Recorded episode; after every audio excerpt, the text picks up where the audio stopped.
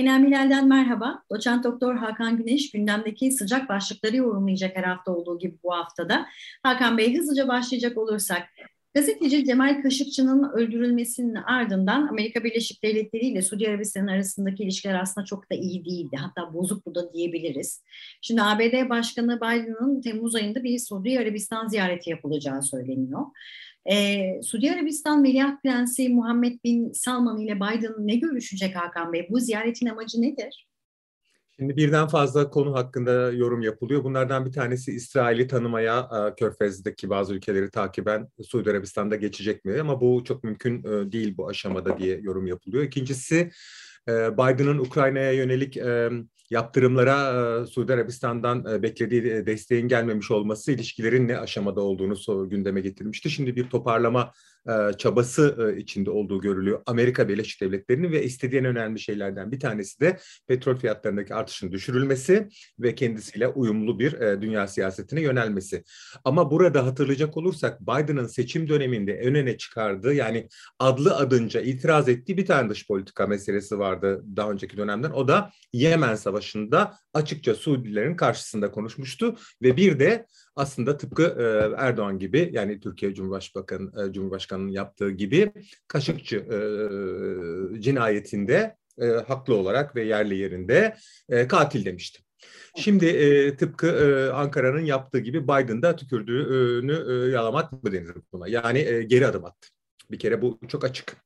E, ve e, az önce sözünü ettiğim gibi başta petrol fiyatlarındaki e, bir, bir dengeyi sağlamak e, pek çok müttefikin itirazı yeter artık Rusya'ya dayanamayacağız. Dön, dönelim azaltalım diyenlere e, bir parça destek atmak e, istiyor ve kendi konumunu e, burada tutmak istiyor. Bu Biden için varlık yokluk meselesi. Yani ya bu yaptırımları genişletecek ve Rusya'ya diz çöktürecek e, ya da e, geçmiş olsun Biden kişisel e, kariyeri açısından e, dünya siyaseti açısından ne anlamı geldiğini zaten yorumladık. Şimdi bu bakımdan zor bir e, seyahat olacak. Çünkü dünyadaki müttefikleri Amerika'nın aslında Türkiye'de de görüyoruz. S-400 alıyor Türkiye. E, Su Suudiler e, yaptırım konusunda telefona çıkmıyor. Efendime söyleyeyim Endonezyalılar başka görüşmeler yapıyor. Yani dünyada Amerikan gücünün düşmesi derken biz bunu kastediyorduk. Zaten işte böyle oluyor. Ve bu düşüşle yeni güç merkezlerinin e, kendilerinin bin tane derdi bile olsa işte Mısır, Suudi Arabistan, Türkiye, efendime söyleyeyim Endonezya diye giden zincirde. Bunlar da daha yüksek perdeden e, pazarlık yapıyorlar. Durum bu. Bu bakımdan her şeyin bir tür ortası olacak ama Biden açısından yani Amerikan iç politikasında çok dalga geçecekler onun. Onu söyleyebilirim. Yani çünkü adlı adınca çok karşı çıktığı, katil dediği, Yemen'de yanlış yapıyor dedi, Firavun dediği, yani şeye e, Veliaht Prens'e e, e, çok e, ciddi bir e, şeyle, protokolle gidiyor. E, çok önemli e, bir sonuçta döneceğini e, zannetmiyorum ama e, tabii ki e, Suudiler için de Amerika çok önemli. Bir tür orta yol bulmaya çalışacaklarını kestirebiliriz.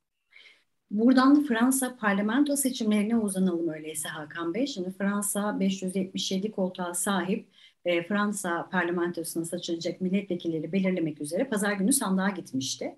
Şimdi çıkan sonuçlara göre Macron ve Sol İttifak e, başa baş gidiyor. E, 19 Haziran'da ise ikinci tur e, yapılacak. Macron e, ikinci turda çoğunluğu alabilecek mi Hakan Bey? Çoğunluğu almak e, özellikle Macron için neden çok önemli? Evet, şimdi bir kere Fransa'da e, neler oluyor habire ne seçimi e, sorusu olabilir izleyicilerimizde hemen onu açalım. Şimdi birincisi burası bir yarı başkanlık sistemi ve başkanın seçilmesi kadar parlamentoda e, kimin çoğunlukta olacağı da en az onun kadar önemli.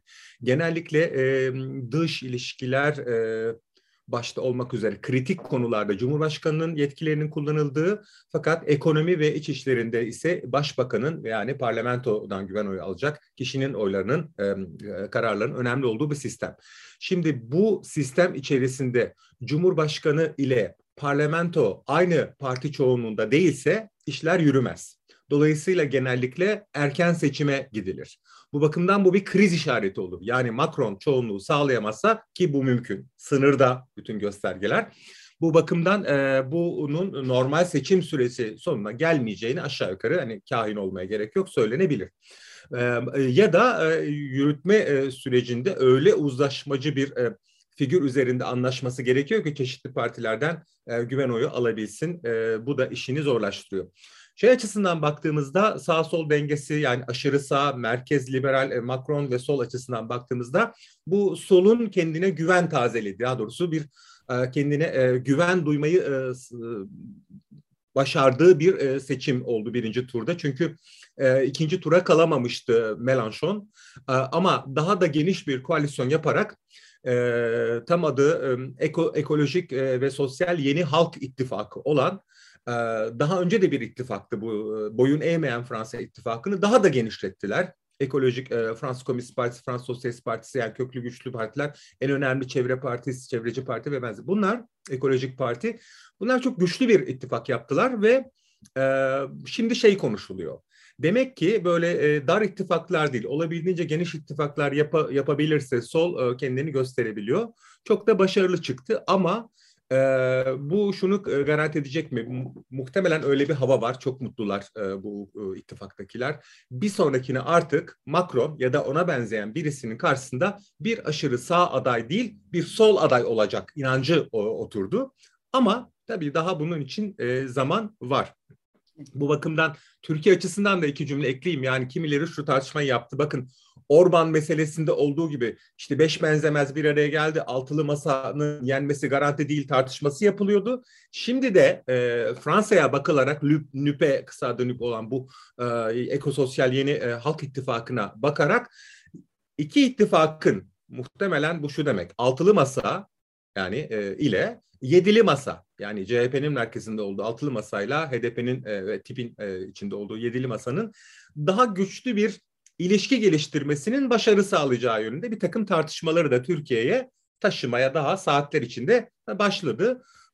Rusya'nın Ukrayna operasyonu ile yeniden gündeme gelen bir konu vardı Hakan Bey. Nükleer silah. Oraya bir e, bakmak istiyorum. Nükleer enerji programı Uluslararası Atom Enerjisi Kurumu denetiminde yapılıyor. Hatırlayalım ve tesisler sürekli olarak denetleniyor aslında. Şimdi Uluslararası e, Atom Enerjisi Kurumu'nun e, basına yansıyan bir raporu vardı. İran'daki üç tesiste nükleer silah üretiminden e, şüphelenilen uranyum parçaları bulunduğu ve Tahran'ın da bu konuda açıklama yapmadığı ileri sürülmüştü. İran ile Uluslararası e, Atom Enerji Kurumu arasındaki görüşmeler de devam ediyordu ama o görüşmeler ne durumda bir onu sorayım. Bir de eğer süreç ilerlemezse bundan sonra ne olur? Evet. Şimdi bu e, Uluslararası At Atom Enerjisi Kurumu'nun e, denetleme etkisi nereden geliyor? E, bu esas itibariyle nükleer silahların e, yayılmasını önleme antlaşmasından, sözleşmesinden geliyor. Şimdi bu e, buradan aldığı güçle e, bir noktada dondurdu dünya. E, tamam artık daha fazla nükleer güç olmasın diye Sovyetler Birliği ve işte Batı arasındaki dengeyi bir hesaba katarak. Şimdi ama o tarihten beri nükleer güç e, sahibi olan, nükleer silah sahibi olan ülkeler oldu. E, Hindistan, e, Pakistan gibi e, gizli İsrail silahını saymıyoruz. O ayrı bir kategori. Efendime söyleyeyim ve Kuzey Kore belirli bir aşamada. Şimdi buna bir de İran eklenecek mi sorusu var. Şimdi öyle görünüyor ki evet şu günlerde buna bir hayli yaklaşmış durumda.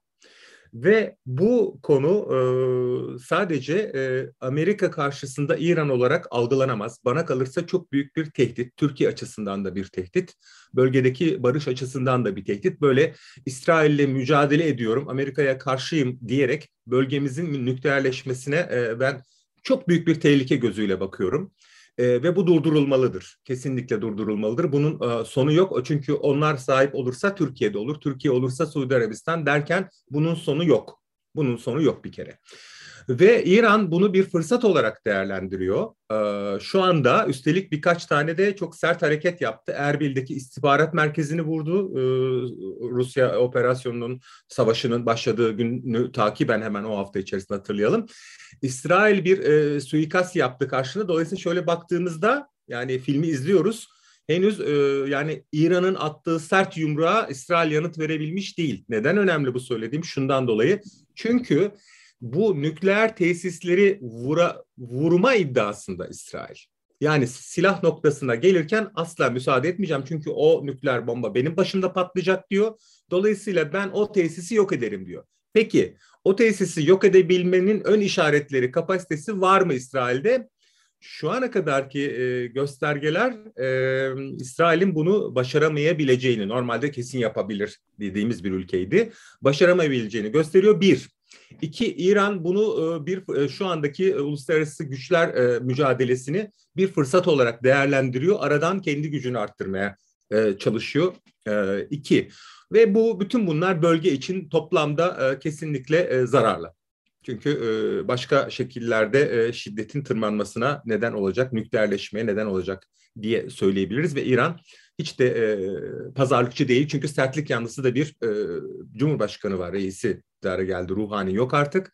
Bütün bunlar e, bu fırsatı olabildiğince İran'ın kullanıp kapasitesini bir biraz daha e, silaha yaklaşacak e, hale getirdiğini, getireceğini hatta ve bayağı getirdiğini gösteriyor maalesef. Doçent Doktor Hakan Güneş, Beynelmiler'de yorumladı. Haftaya çarşamba görüşmek dileğiyle.